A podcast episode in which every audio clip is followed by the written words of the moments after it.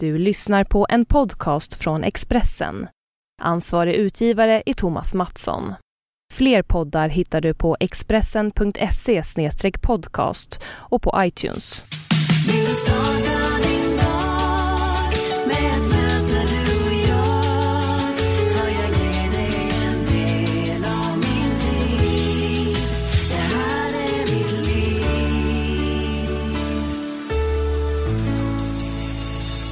Då hälsar jag dig varmt välkommen till årets näst sista avsnitt av Livshjulet. Och jag vill börja med att önska dig en riktigt god jul och jag hoppas att du precis som jag får lite ledigt under de kommande storhelgerna. December är ju en månad då livshjulet snurrar väldigt fort och vi får ju inte glömma bort den där balansen som vi mår så bra av att ha i livet. Veckans gäst, hon har ett livshjul som ständigt verkar snurra på i hög hastighet. Och nyckeln till att få ihop karriär med små, småbarnsåren, det är att ha struktur och planera menar hon. Det är Anita Schulman som gästar livshjulet den här veckan och intervjun gjorde vi i Expressens podcaststudio tisdagen den 1 december. Varsågod Anita Schulmans livshjul. Är det någonting du är superobekväm med? Nej men alltså vissa grejer har man ju faktiskt in, integritet runt liksom.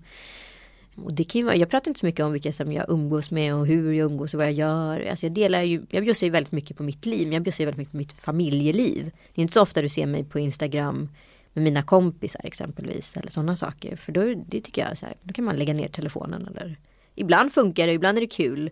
Eh, att uppa någon polare som har gjort något bra och så. Eh, men alltså jag tycker inte det krävs en mobil på en middag för att, den ska vara en för att det ska vara en rolig middag. Liksom.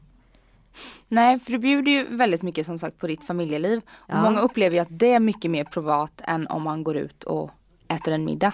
Ja men alltså integritet är väldigt upp till var och en. Det är väldigt individuellt vad det är. Folk pratar om så här, jag skulle aldrig lägga ut mina barn på Facebook eller på Instagram. Hur, vad är det ni håller på med? Förstår ni inte att ni fördärvar barnen? Och det är så här, men jag förstår att du kanske är provocerad av det, ungefär som jag är lika provocerad av dig som inte gör det. För vem per definition är intresserad av ditt barn?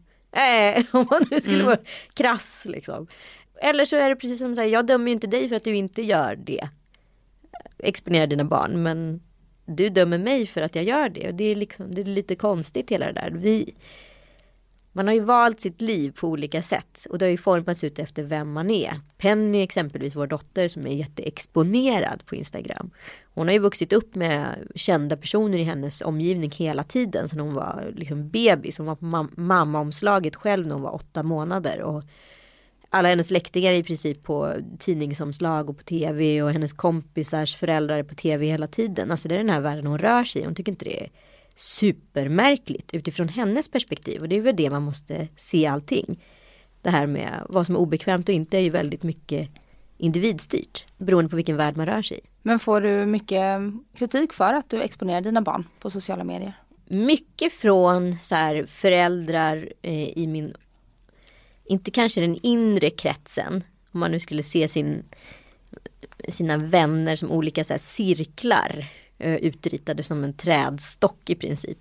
Eh, så den innersta cirkeln eh, och de två, tre utanför den kanske inte. Men sen när det börjar gå liksom blir längre ut så här kompis, kompis, pappa eller mamma någon förskolekompis, pappa, mamma och så vidare. De personerna förbarmar sig en del liksom. Eh, jag tycker jag så här, jag tycker inte jag behöver försvara det. Jag känner inte ens att jag har en anledning. Men jag vill gärna förklara det. Eh, och ibland blir man kritiserad och ibland blir man inte liksom. Ja, det kanske är provocerande för många och provocerande för, mindre provocerande för andra. Jag rör mig i ett gränsland. Jag lever ju egentligen med generationen som har internet i blodet. Jag har ju alltid jobbat, eller senaste tio åren egentligen jobbat digitalt. Så jag vet ju väldigt mycket mer om en yngre generation än kanske mina jämnåriga eh, inte vet. Så för en yngre generation är det inget konstigt att mina barn är på sociala medier, den mest naturliga plattform för dem de kan tänka sig. Under tiden många jämnåriga och äldre kan tycka att det är jättemärkligt som inte jobbar med det digitala och det analoga. Jag förstår ju båda vägarna, alltså det är ju en det är ju en, eh, alltså en metamorfos på ett sätt, liksom, eller en kollision eh, mellan de här två världarna som håller på att ske. Eh, och då handlar det om så här, för mig är det ju så här att vägra internet, det är som att säga så här, nej, nu ska jag sluta läsa, nu ska jag bli analfabet. det går inte liksom. Så jag kan ju förstå den världen men jag kan inte acceptera den. Den gamla världen om man ska säga. Och för de som inte har full koll på dig. Ja. Jag bjöd in dig här för att jag eh, har lyssnat på din och Ann Söderlunds podcast Lille. Lördag. Jag har sett det också lite sjukt. Jag har inga egna barn men jag kollar ju på Mom Enough och jag läser din blogg. Ehm, och jag lyssnar på Fyllepodden som du gör med Sanna Lundell. Ja vad roligt. Men kan du inte berätta lite om dig själv? Var, var kommer du ifrån? Eh, jag kommer från Indien ursprungligen. En liten by nere i Kerala som heter Kottayam. Sen kom jag till Sverige ungefär när jag var två och ett halvt och då bodde jag i en liten ort utanför Örebro som heter Garphyttan fram till jag var eh, nu ser jag, nio. Skulle, skulle fylla tio. Och då flyttade vi till Kullavik eh, utanför Göteborg för mina föräldrar startade ett företag där. Sen flyttade det företaget vidare till Strömstad ett år senare. Så från att jag var 11 till jag var 17 fyllda, det vill säga andra året på gymnasiet, så bodde jag i Strömstad. Och sen flyttade mina föräldrar tillbaka till Örebro, men då flyttade vi till liksom staden Örebro, så bodde vi mitt i stan på Nygatan. Och när jag var, skulle fylla 20, den sommaren jag fyllde 20, då flyttade jag till Stockholm. Och där har jag bott sedan dess i princip med en litet utflykt i eh, Paris och en, tre månader i Australien. Och du är ju förutom att man känner igen dig från, från media så, så driver du ett porslinsföretag. Ja, jag har eh, ett porslinsföretag eh, som heter Par Anita Schulman. Eh, det har sex tror jag olika kollektioner som det blir nu i december. Och eh, det är egentligen ett hobbyprojekt eller vad jag ska kalla det för som börjar bli liksom lite mer utav en industri sakteliga. Eh, men det är jätte, jätteroligt. Eh, och utöver det skulle jag nog enklast kalla mig entreprenör eller intreprenör. Eh, och social medie superkommunikatör eller vad man ska kalla det för. För att det är ganska svårt att formulera vad jag gör. Om man skulle se att en vd på ett vanligt jobb kanske har tio olika arbetsprojekt under sig. Så ser jag mig ungefär likadan. Om jag arbetar med mig själv som varumärke försöker jag förskjuta mig själv som produkt. Det är enklare att hantera på det sättet. Och så sätter man sig själv i tio olika sammanhang. Det är ungefär så jag ser på det.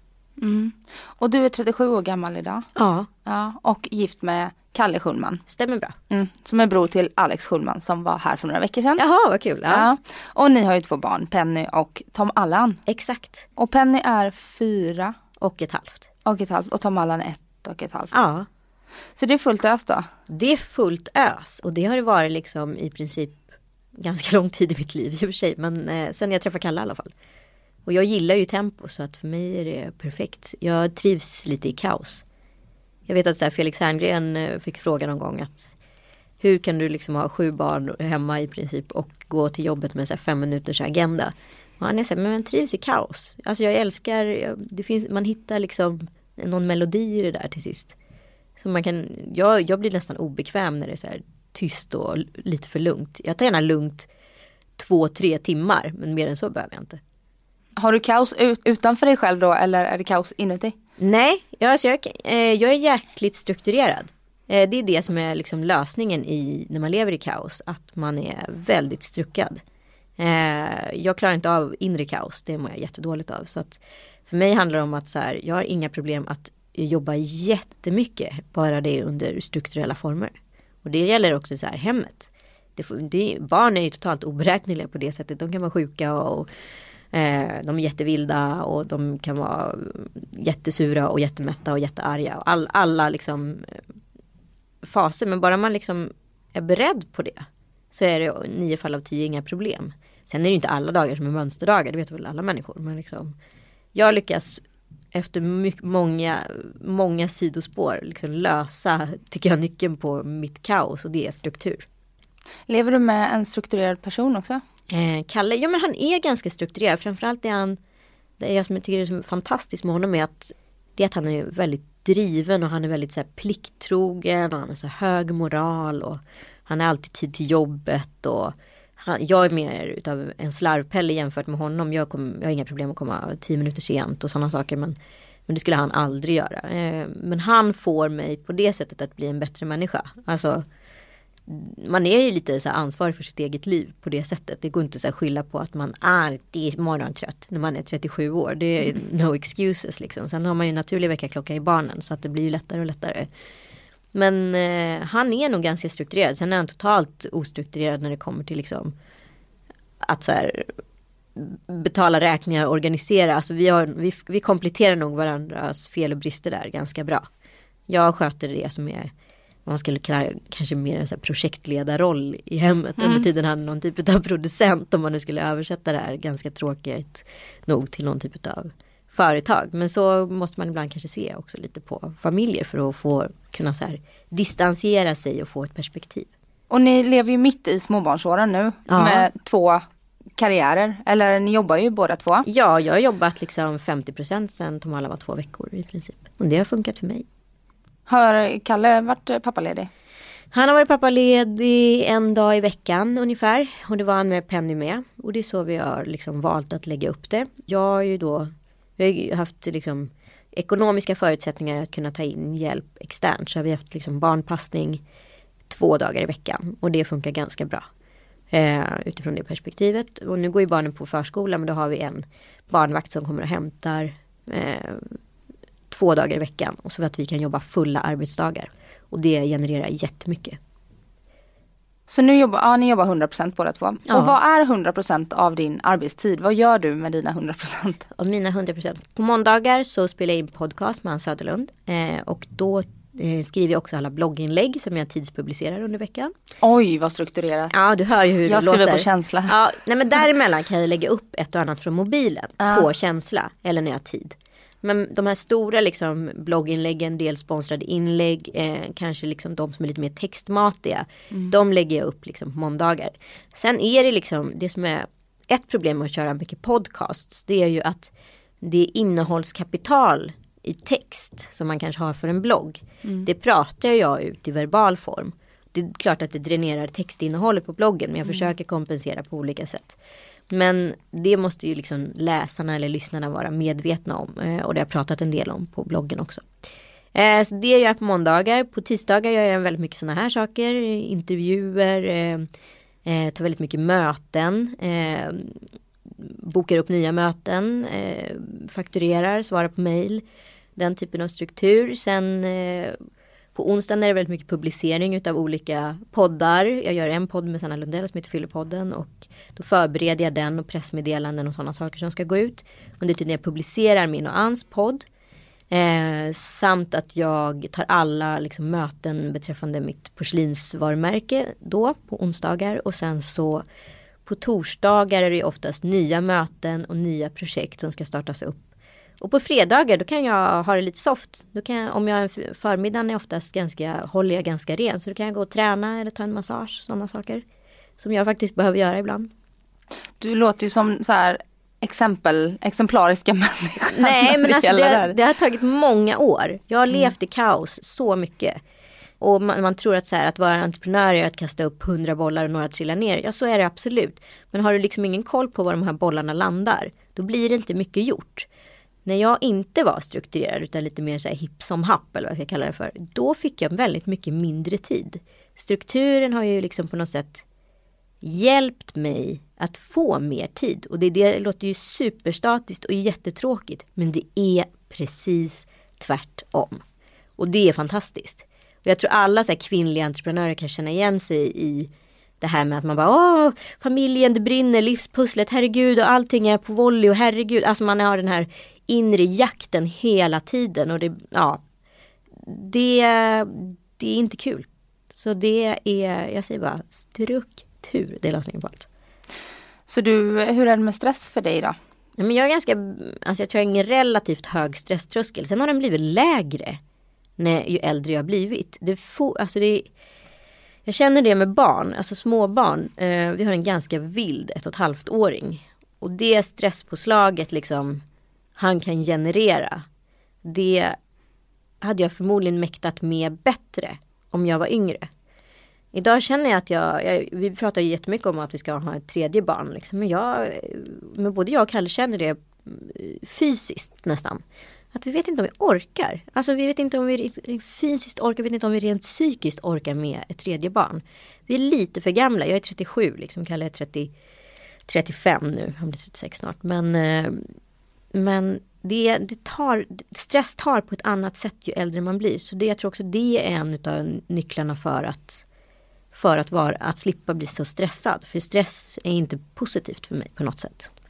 Hur blir det när du blir stressad då? Jag blir ganska oskön om jag ska vara ärlig. Jag blir ganska kall, eh, jag blir ganska hysterisk. Alltså kan skrika åt folk på ganska otrevliga sätt. Eller höja rösten. Eh, jag blir trött när jag blir, eller när jag är stressad blir jag också väldigt trött. Eller tvärtom. Trött man kan eh, skapa att min stresströskel går ner. Och då blir jag ganska snäsig liksom. Det, nej, jag är inte en bra person under stress. Så för mig handlar det väldigt mycket om att jag måste hålla mig i balans liksom. Jag är inte speciellt bra på att vara stressad. Du har ju pratat eh, i olika intervjuer om ditt eh, åren innan du träffade Kalle. Ja. Eh, som du också hintar om lite nu att du levde i kaos. Mm. Och du har varit gift innan. Eh, och dragits till destruktiva relationer. Vad jag har förstått. Eller en destruktiv. En destruktiv, ja. Primärt. Ja precis. När, när kom liksom vändningen? Var det i och med Kalle att du kände att nej men så här vill inte jag ha det längre? För du pratar om ekonomiskt kaos och det var väldigt kaos på alla. Jag tror att väldigt många fler kan identifiera sig med Lyxfällan än vad man kanske vill erkänna. Man kanske tittar på det och säger så här, ha ha ha, hur tänkte de där, gud vad dumma de är, etc. Men Jag tror det är därför det går så bra Ja. det programmet. det finns mycket igenkänning i det där. Det är så Mm. mycket ångest det programmet så här på ett sätt kan skapa för att det ligger väldigt nära någonting som många personer inte vågar benämna av sig själv. Där kan man ju prata om integritet. Folk vågar ju Mm. inte så här prata om att de har haft det dåligt eller har, det dåligt ställt. Jag vet jätterika människor som så här lever under kreditskulder och med, med så här en pistolmynning mot tinningen hela tiden för att man lever i den här ekonomiska pressen. Och det kan få människor att göra ganska mycket gränslösa saker. Ehm, jag levde i nog men det är det som är svårt. Jag tycker att det finns två aspekter. Det finns ekonomi och så finns det alkohol. Och det ena kan bedöva det andra på något sätt. Jag kan börja med att du så här krökar. Eh, jag har inte haft problem med alkohol. Men eh, jag har levt i relationer där alkohol har funnits som ett problem. Eh, det kan börja med att du dricker. Sen dricker du för, och så får du dåligt samvete för du har druckit. Får du bakfylleångest. Då börjar du konsumera. Så konsumerar du kanske mer än vad du har tänkt. Då börjar du dricka för att du har ångest för att du har konsumerat mer än vad du tänkt. Mer än vad du har liksom tä- täckning för. Och så börjar det där snurra runt så det blir en spiral som man liksom inte vet början eller slutet på. Och helt plötsligt sitter du liksom i någon typ av kreditskuldshärva. Du har supit bort många liksom affärsrelationer. Livet går sakteligen neråt på ett ganska snabbt sätt. Dramatiskt. Det är lite som som jag upplevde det så, så här, ett tillstånd kan vara ganska normalt. Om den här belysningen som är i det här rummet, den är normal. Om någon sakta, sakta, sakta under tiden vi pratar skulle börja skruva på en dimmer åt det mörkare hållet skulle vi knappt märka det. För vi skulle vara inne i samtalet eller det som du och jag pågår i just nu. Och helt plötsligt har det blivit becksvart här inne och vi har knappt märkt det. Det är så jag såg på liksom förloppet som var i min förra relation. Man märkte liksom inte att det var becksvart i rummet förrän man liksom tittade på det utifrån och in. För man var så inne i det här kaoset hela tiden. Så man såg inte att allting hade liksom, vi var långt ner på botten innan vi själva upptäckte det. Så det blev en sån ögonöppnare när liksom min då exman sa att han ville skiljas. Vi ville nog båda skiljas egentligen. Vi hade haft den diskussionen på bordet. Men ingen vågade för vi satt i sån ekonomisk situation så att det var vi var liksom fast i varandra på grund av det. Vi hade också gått och köpt en sommarstuga, så här, pang bom. Såklart, en klassiker för att rädda relationen. Liksom. Så när han sa att han ville separera, då var det liksom som att så här, jag föll fritt. Väldigt djupt. Och då var det bara liksom att, ja, för, självklart så att jag ju grina i två, tre veckor, liksom bara försökte få rätsida på alla känslor och alla, allting. Men sen så var det bara att börja beta av och göra läxan liksom. Jag har lärt mig så otroligt mycket utav den perioden i livet. Eh, och jag, jag, så här, jag tycker att det är nyttigt för alla faktiskt att gå igenom. Gå på en riktig nit då och då. För det är enda chansen man har att liksom revidera och göra om och göra rätt. Sen vet jag fortfarande inte om jag gör rätt men jag gör bättre i alla fall. Ja och jag vet att han lämnade dig med massa skulder som du jobbade extra för att betala av. Du känns väldigt plikttrogen också. Ja, alltså det tror jag är, så här, det tror jag är jätteviktigt att vara. Eh, att ha, och det får jag alltid höra. Jag hade precis ett möte nu och med en kund och var så här, säljavdelningen älskar dig för du är alltid snabb på att svara, du levererar alltid och kan du inte så säger du det fort så att vi kan gå vidare. Alltså jag tror att det är så här, idag handlar det inte bara om, om man nu ska prata om sig själv som ett varumärke, idag handlar det inte bara om att vara ett starkt varumärke. Om du inte kan back-office-biten, om du inte kan leverera, om du inte kan svara på mail, om du inte kan, då vill ingen jobba med dig till sist. Eh, och så var det ju i det här fallet också. Jag jobbade ju fast på ett företag och då gick jag till min högsta chef och frågade så här. Berättade, var helt transparent och berättade precis vad som hade hänt. Hon sa, jag måste få in massa pengar. Och det kan inte jag göra på den här arbetsplatsen bara. Men jag har väldigt mycket semester att ta ut. Låt mig ta ut två dagar i veckan och jobba extra på en annan arbetsplats. Det är inte konkurrerande verksamhet, det är något annat. Så de var jätteschyssta. Eh, och lät mig göra det. Och det är jag så här evigt tacksam för att de eh, lät mig göra. Eh, så att jag lyckades jobba av den här skulden sakteligen. Det tog eh, nästan ett dygnet runt i tre månader men det gick. Och jag är jätte, jätteglad så att, eh, jag gjorde, att jag gjorde läxan för jag hade nog aldrig gjort den annars. Eh, jag känner fortfarande ibland när jag går ut och så här handlar att så här oj oj oj har jag täckning för det här liksom. Eh, för att det finns en rädsla med mig sedan tidigare. Och så bara så, det är så skönt att veta att så här, ja men det är faktiskt mina pengar jag konsumerar. Det är jag som har råd med det här. Jag lever inte på någon annan, jag lever inte på kredit. Det här är mitt liv liksom. Eh, och det är en helt annan. Förr kunde man ju springa runt och ha dyra handväskor men så lever man på nudlar resten av månaden. Det är liksom, man lever en livsstil som man har lite täckning för. Och jag, tycker, jag tror det är väldigt många som lever så. Och jag tror det är så här, ska du ha en dyr handväska eh, då ska du ha råd med den hela vägen ut. Då ska du kunna ha liksom hela det paketet som kommer med den här handväskan, inte bara en dyr handväska. Ja, du ska kunna leva som vanligt, äta Exakt. och bo och sådär. Och sen Precis. bonus. Ja men det är så här, jag ser väldigt många så här unga tjejer som går runt i så här jättedyra Chanel-väskor och jag vet vad de där kostar. Men jag var så här, men de kan omöjligen tjäna pengar för att det kostar lika mycket som en, två månadslöner. Ja. De kan omöjligen ha råd att ha de där väskorna. Jag har fortfarande inte en Chanel-väska som jag har råd med liksom. Där är inte jag än. Men de är där. Sen, sen handlar det som sagt om om man prioriterar sina pengar också. Absolut, men jag tycker att så här, jag, för mig är det så här, den dagen jag köper den väskan, då ska jag köpa den för egna pengar och jag ska förtjäna, då vet jag att så här, jag har råd med livet runt omkring den väskan. Hur lever ni idag då? Vi har det bra, vi har det jättebra till och med. Vi har liksom lyckats vända någonting som var väldigt negativt. För Kalle och jag träffades, vi träffades ungefär fyra, fem månader efter det var slut. Eh, Hur gammal var du då? Eh, jag var 31.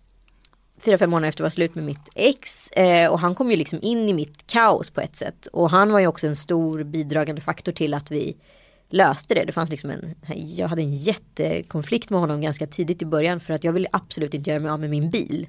För det var min liksom, var min morot i livet. Men han var så här, men du vet bilen i sig kostar dig 2 5 i månaden.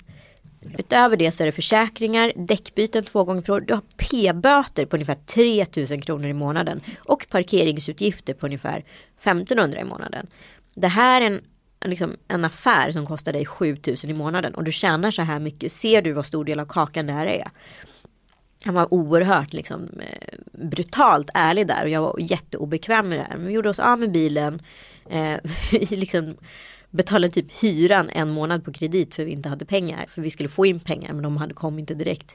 Ja, men det var liksom total på riktigt kaos och haveri första månaden, eh, första två månaderna vi hade träffats. Så jag, han har ju verkligen fått han har ju verkligen tagit mig för precis den jag var. Eh, och liksom tillsammans har vi liksom rest oss upp sakteligen. Men vi hade sett tvn på en kartong i ett halvår för vi hade liksom inte råd att köpa en bokhylla. Hur gör man då eh, till människor som, som kanske sitter i de här situationerna? Hur, hur vänder man det? Man måste vara brutalt ärlig med sig själv. Precis som Kalle var med min bil. Man måste kill varenda darling som finns. Eh, och var så här, behöver du ha städerska?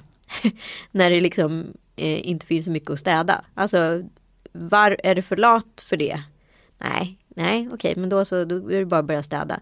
Katta alla kostnader, alla onödiga necess- alltså köp inte ett plagg, köp liksom ingenting, alltså stäng av allt i ett halvår. Det är fruktansvärt jobbigt första två månaderna. Alltså fruktansvärt. Jag kan tänka när man är nykär och vill hitta på massa Ja, och det grejer. enda man vill göra är ut och resa. Så här. Men vi tog en så bilsemester i så här Värmland och åkte runt på, till våra, så här, vi har två olika sommarstugor liksom. Åkte till dem och hängde där och åkte någon roadtrip ner till, och hälsade på några kompisar på liksom västkusten. Ja men det går. Det går, det går, det går. Men man måste börja någonstans. Eh, så han kom in i totalt kaos och sen så har Eh, när jag träffade honom så jobbade var jag anställd eh, fortfarande. Sen sa jag upp mig och började jobba som projektledare på ett produktionsbolag som heter Mastiff. Med ett gäng olika tv-produktioner. Eh, och då under tiden blev vi också gravida med Penny.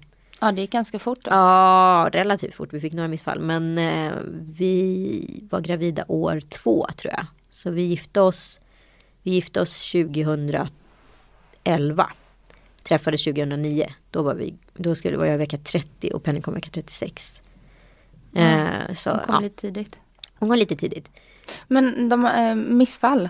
Var det, så det var planerat, ni ville bli gravida då? Ja, Vi kände på en gång när vi såg så att så här, vi vill ha barn.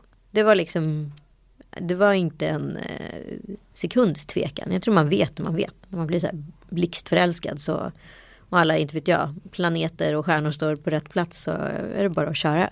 Alltså gillar man varandra och vi älskar ju varandra lika mycket idag liksom. Så det är ju bara Det blir bara roligare och roligare med en sån person att vara gift med. Och jag tror så här, man, man känner så tydligt i kroppen när det är rätt. Det går inte att förklara. Nej men så vi ville bli gravida ganska fort och blev också gravida ganska fort. Eh, och sen så eh, fick vi missfall i vecka 11 tror jag det var första gången. Och sen fick vi två eller tre till tidiga. Eh, så det var ganska tungt och då bara släppte vi hela så här, barnbiten för det där liksom, som hände i livmodern började liksom flytta upp ganska fort innanför pannbenet på mig. Och jag tyckte liksom, jag gick och tänkte på det här med barn hela tiden så det blev nästan maniskt att så här, det var ingenting i mitt liv kunde göra mig lycklig om jag inte blev gravid. Det var det enda liksom som betydde någonting. Och så då bestämde vi oss unisont att så här, nej, men nu får vi släppa det här med barnet. Nu gör vi något annat och fokuserar på något annat. Så vi tog ett Ja, bland annat också därför jag sa upp mig från mitt jobb.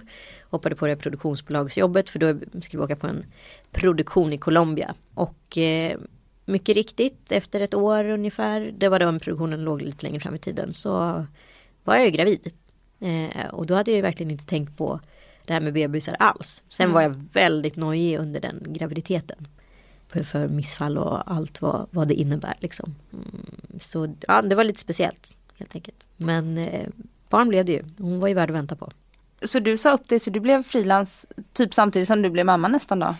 Ja, alltså jag var ju projektanställd på Mastiff, eh, som det heter när man jobbar på tv-produktionsbolag. Eh, och när jag blev mammaledig så var jag inne ungefär 30-40 procent första året med Penny. Men så kände jag sakta men säkert att så här, jobbat med så mycket produktioner nu där människor så här gråter, är så sönderstressade.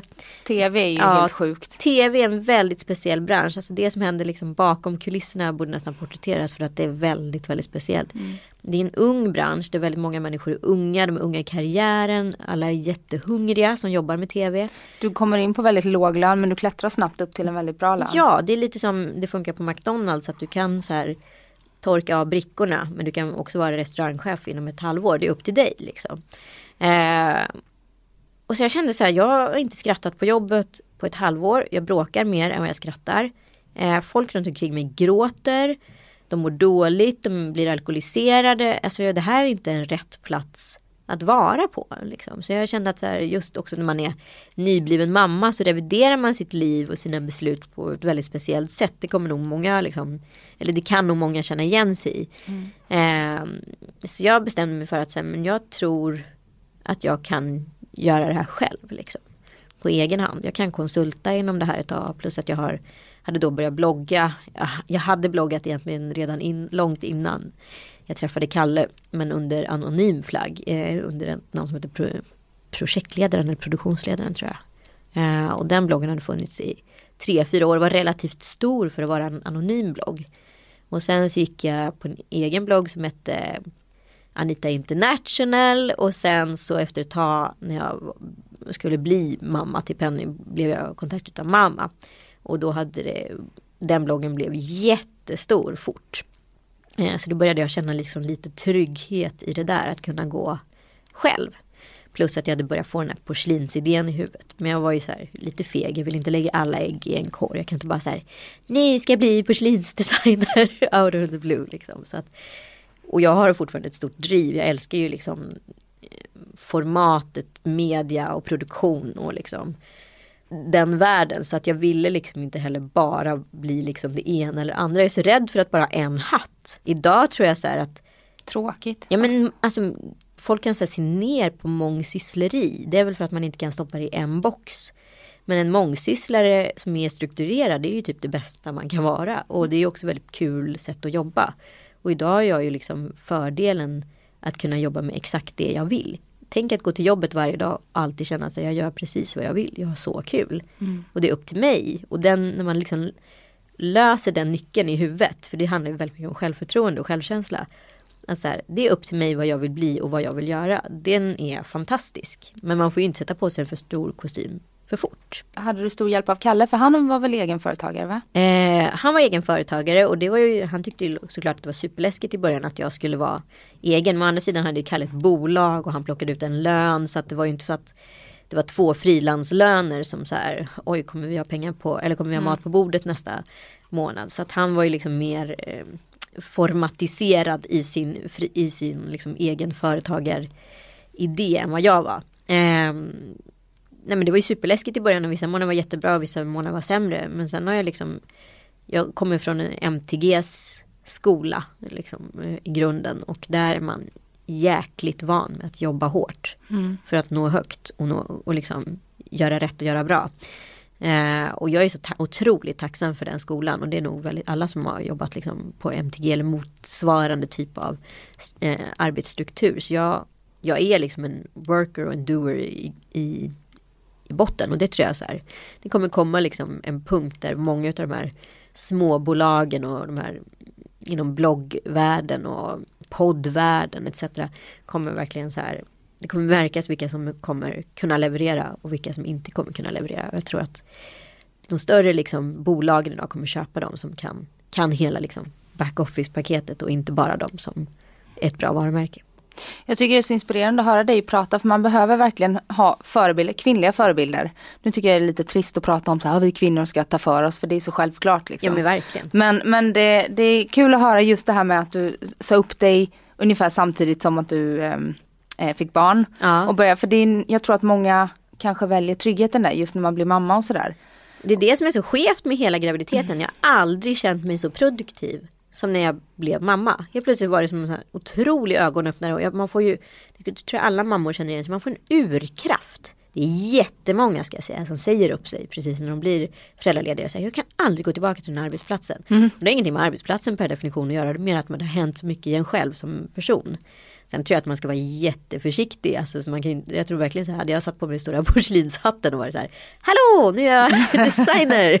Då hade jag, hade jag haft det lite tuffare idag. Men nu går ju liksom bolaget bra och jag är en anställd och jag ska verkligen inte säga att det är självspelande piano för det är sjukt mycket jobb liksom hela tiden med det där. Men eh, den har jag jobbat med i fyra år så den kan jag hantera relativt bra. Och det är jätteroligt. Så jag, samtidigt kan jag ju fokusera då på att jag har tagit in en jättebra person. Heter Sofie. Eh, då kan jag ju liksom optimera de andra grenarna själv.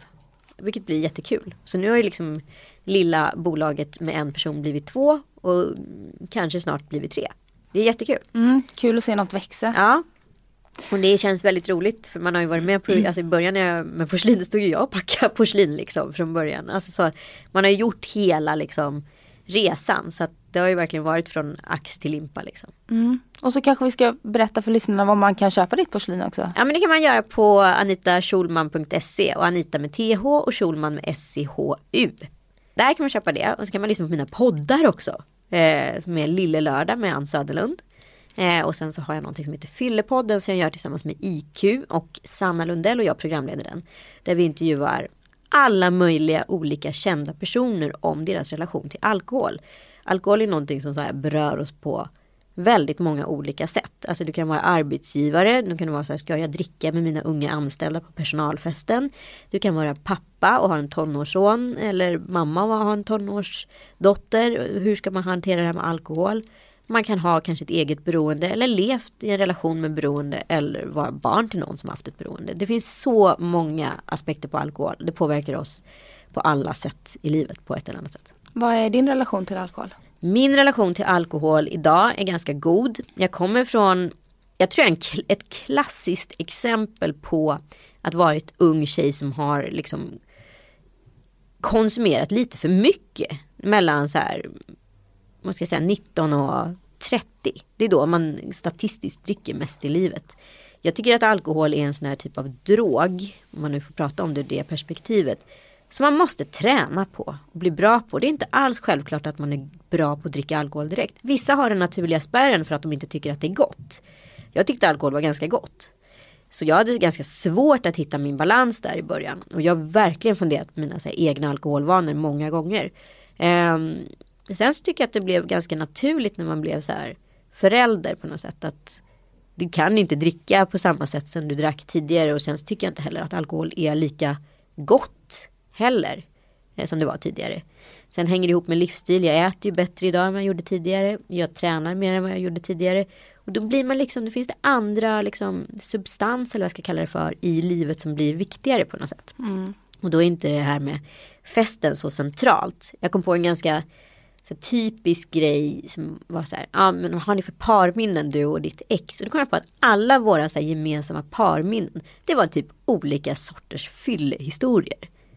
Och Är var- det så? Ja men det är så här, allt som hade varit roligt eller på något sätt var kul i vårt liv. Det var relaterat med ganska mycket alkohol. Och jag kände liksom i grunden att så här, det är någonting som inte stämmer här. Det är något som bara känns så fel att det är någon typ av så här, att det var det som fick saker och ting att bli roligt istället för att upplevelsen fri från substansen var kul. Och idag har jag många fler sådana upplevelser utan liksom, alkohol. Alltså de roligaste grejer jag varit med om har varit utan alkohol. Liksom. Och det tycker jag är sånt himla sundhetstecken. Ja, jag upplever också att ofta när man ska hitta på någonting eller man har semester så ska det alltid vara alkohol Ja, inkopplat. Och man ser sällan över en fika nu utan det är ett glas. Ja men det är ett glas och det är så här, problemet med det här kontinentala drickandet som vi har adapterat. Det är ju att vi dricker ju inte ur små miniballongglas, sådana här franska små kupoler liksom. Utan vi dricker ju fortfarande ur de här, de här liksom bourgogneglasen eller vad det är som är så här super superstora. Och det går inte att ha ett kontinentalt drickande. Om jag dricker två sådana glas då är jag ju full. Det går alltså, rätt mycket i de Ja, men dricka två små sådana här ballongglas, då är ju det knappt som ett halvt sånt glas. Då är det ju kanske per definition bättre. Men jag tycker liksom, jag och Kalle dricker i princip aldrig i veckodagarna. Ifall vi inte har en liksom, social middag hemma eller så. Men han och jag skulle aldrig öppna en, ens en liten flaska vin och dricka. Eh, vi har försökt göra det ett par gånger för att vi borde. och då blir det liksom som en happening. Och så slutar det med att jag så här, sitter och dricker två munnar och han dricker ett halvt glas. Och så får man slänga den där flaskan ändå. Och då är det så här, då kan vi lika gärna strunta i det. Du är ju också författare till en bok som Nej, heter Man är inte författare om man har skrivit en bok. Nej okej, förlåt, det visste inte jag. Du är på väg att bli författare, du är halvvägs på, eh, till att bli författare. 5-2 enligt Anita Schulman. Ja, Mm. Och den handlar ju om 5-2-dieten, Ja men exakt. enligt dig. Enligt mig, ja. Jo men jag eh, gick upp jättemycket i vikt eh, när jag var gravid med min eh, första, mitt första barn, dotter Penny. Och eh, då var det liksom, alla satt med sig, men det är bara amma så försvinner det där. Och jag ammade och ammade och ingenting hände. Och alltså, typiskt, vi var några stycken kompisar som fick barn i april eh, 2011. Och när vi sågs efter sommaren i augusti då hade nästan alla gått ner till sin så här innan graviditetsvikt. Men jag var typ större än innan. Och det var sån jäkla ögonöppnare för jag hade liksom försökt hitta alla ursäkter på jorden varför det hade skett. Men liksom, fan jag käkade liksom fem schnitzlar. Och käkade en påse bullar varje dag. Du är ganska liten också. Ganska liten så jag så här, de där som från början var precis när vid graviditeten innan Penny kom var 26 kilo plus. Var liksom på 19 plus och där var jag fast. Och sen så tog det kanske nästan ett år innan jag var ner till på 11 kilo plus. Och sen så sakteligen blev det 7 kilo plus. Men de där 7 kilona de satt. De satt och de syns. Eh, jag är ju pytteliten liksom, jag är 1,53. De syntes och jag kände liksom att jag kände inte igen, jag tappade liksom mycket identitet i det här med vikt. Jag har alltid haft i princip samma storlek hela livet, alltid sett ut på ett sätt. Jag har aldrig liksom jojat upp och ner. Eh, för mig och håller på med friidrott i, i unga år och sådär. Så för mig blev det en sån otrolig identitetskris i det här med vikten. Alltså det är väldigt individuellt. Alltså, man, man, jag kände att den personen som var på andra sidan spegeln, den, den var inte den som så här, jag såg. Utan jag tror att man så här, när de två, alltså spegelbilden och den inre bilden börjar mötas på något sätt, det är då man känner sig i harmoni. Och jag hade inte den där harmonin. Jag vet att jag stod i så här boxningshall och boxade. Så bara, så här, vad är det där för tjej som liksom står typ där jag står och boxas? En jättestor tjej som var så här, jätterund och liksom. Och var inte alls den där tjejen som jag kände mig som på insidan. Och så bara så fattade jag, men gud det är ju jag. Alltså det är ju jag. Jag, bara, jag fattade inte på riktigt vem hon var liksom. Eh, så då började jag liksom fundera på ganska mycket med det här med kost och vad jag liksom hade satt i mig och hur jag sakteligen hade liksom gått från en normalvikt enligt mig då till den här plus size människan som jag inte alls kände mig hemma i. Alltså, det handlar inte bara om eh, vikten, det handlar också om så här helt plötsligt tappade jag liksom min stil. Jag hade, en, hade en, en, min garderob fick jag inte på mig och då skulle jag hitta en ny stil som handlade väldigt mycket om att gömma. Eh, olika så här, men jag vill inte att magen ska synas, jag vill inte att rumpan ska synas, jag vill inte att låren ska synas. Jag hade ont i kroppen, jag hade värk liksom utav att jag var tung. Allting var liksom en påfrestning på något sätt. Och då blev jag så här, i slutändan deprimerad för att jag tyckte att det var så tråkigt att så här, göra saker och ting. För det var som påfrestande allting. Så då började jag liksom fundera på det här med mat och då säger jag, hur, varför ska jag äta fem schnitzlar för? Ifall jag går 300 meter per dag, går till en kontorsstol och sätter mig och jobbar och sen går jag och äter lunch och sen ska jag ta ett mellis och så ska jag ta en fika och så ska jag hem och käka middag och så, och så vidare. Och så bara, jag äter ju sönder mig, det här är inte bra liksom. Din magsäck måste varit så stor. Ja men alltså helt sjukt. Och, men det är väldigt många som börjar med liksom en stadig frukost med fem, sex komponenter och sen så är det någon eh, kaffe vid elva och sen är det en rejäl lunch och sen är det liksom mellanmål, fika, middag, kvällsmys. Alltså så ser ju livet ut för väldigt många och så såg det ut även för mig. Så här, men om jag äter så här mycket som att jag skulle jobba på fältet och jag går till en kontorsstol, då är det ju någonting som är fel. För jag är inte på fältet. Och så här, träning började jag ju testa då. Som skulle kompensera med, med vad heter det, maten. Men det hände egentligen inte supermycket. Jag gick hos Peti stenhårt i fyra månader och när vi skulle väga in mig så trodde jag på riktigt att jag hade gått ner de där sju kilorna och jag hade gått ner ett och ett halvt kilo. Och då var det så här, okej, men nu har jag ändå byggt upp mig. Nu måste vi börja jobba med maten. Det är där det sitter. Är det inte så att kosten är 80% och Ja. träningen 20%? Exakt, två, tänk alltid på maten. Alltså maten är två gånger, om det nu är tre ben och träning ett ben. Eh, så jag började lägga om hela min kost egentligen. Och började liksom ta bort väldigt mycket kalorier helt enkelt. Så egentligen så började jag med en stenhård 5-2 diet. Det var inte egentligen äta någonting två dagar i veckan höll jag på att säga, eller 500 kalorier. Hur fick du veta om den här dieten? För det var ganska tidigt. Den Ja. har ju blommat ut nu. Jag var jättetidig på det där. Det var en, faktiskt en bloggläsare från... Förlåt. Nej, men det var faktiskt en bloggläsare som tipsade mig från England om eh, dieten. Hon tipsade mig om det här typ i november 2012 tror jag det var.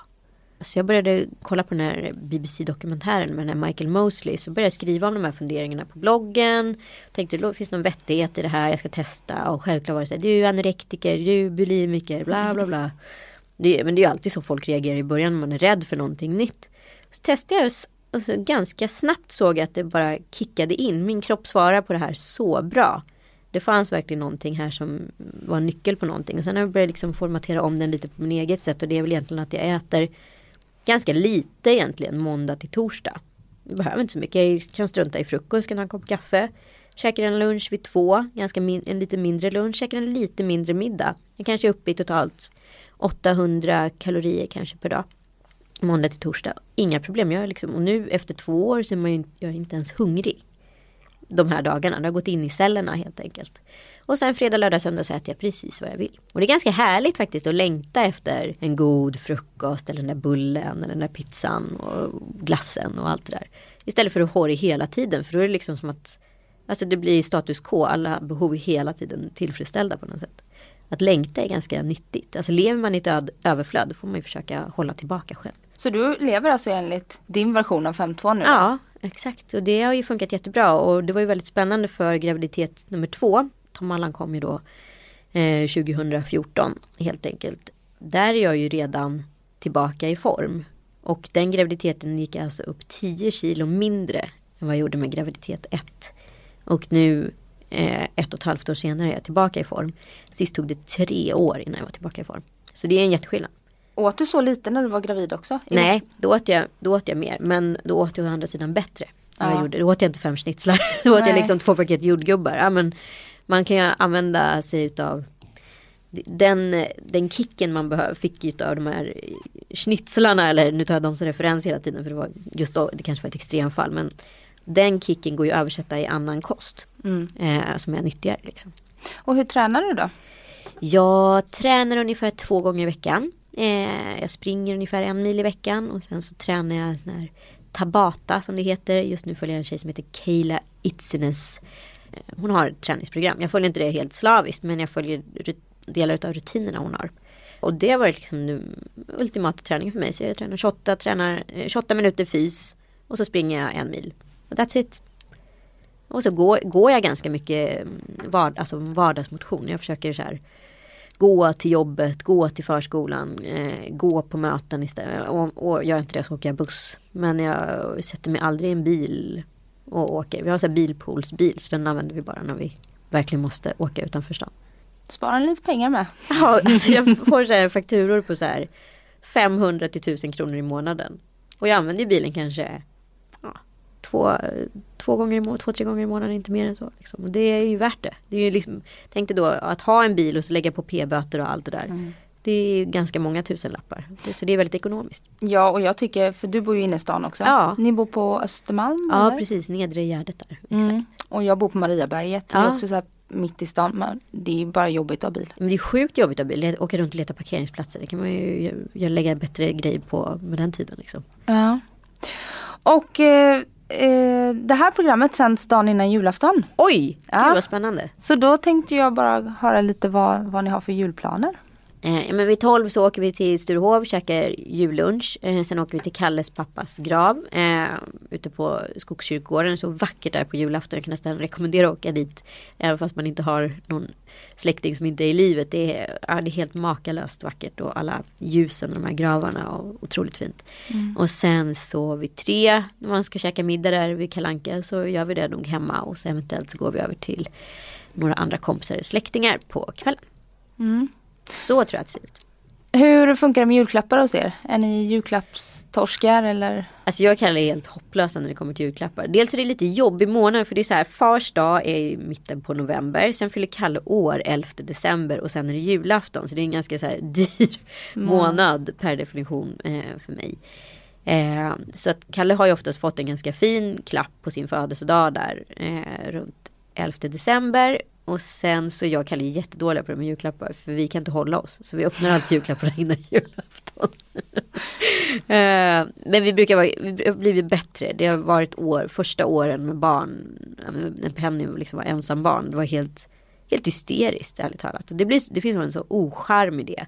Så nu håller vi faktiskt där lite, lite tajtare. Och sen ska man ju inte, låta kanske liksom hemskt. Eh, men vi är ju så pass bortskämda. För att det är väldigt många människor som skickar saker till våra barn. Och jag är Ja, via blogg och Ja, och jag är ju väldigt så här, delad till hela den grejen. Eh, för att det betyder ju att hon i princip får en present i veckan.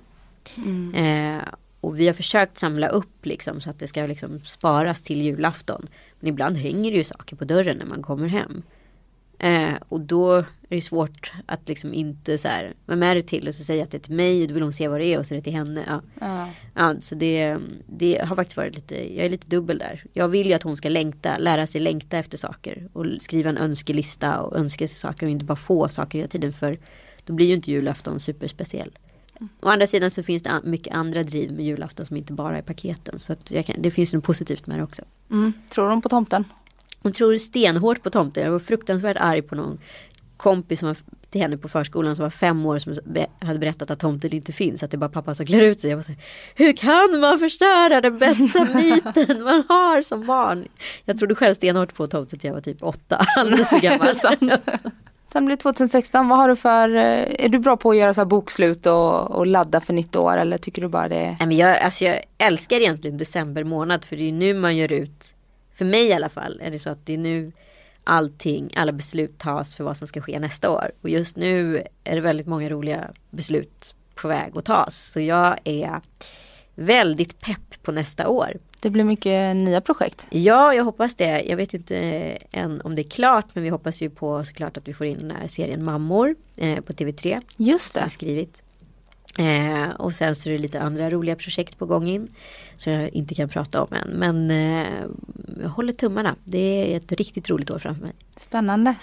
Och tack snälla Anita för att du kom hit och gästade mig. Ja men tack snälla för att jag fick komma. Det var superkul att vara här. Och så får vi väl önska god jul till alla då. Ja men det måste vi verkligen Känns göra. lite konstigt nu men det är julafton imorgon. Exakt. God jul! God jul. Hoppas du får en riktigt bra jul.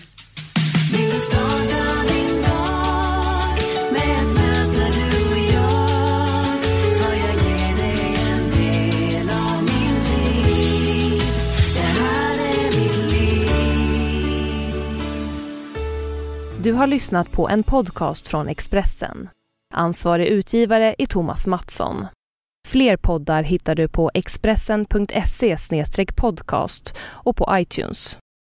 Snart startar vår stora färgfest med fantastiska erbjudanden för dig som ska måla om. Kom in så förverkligar vi ditt projekt på Nordsjö Idé och Design.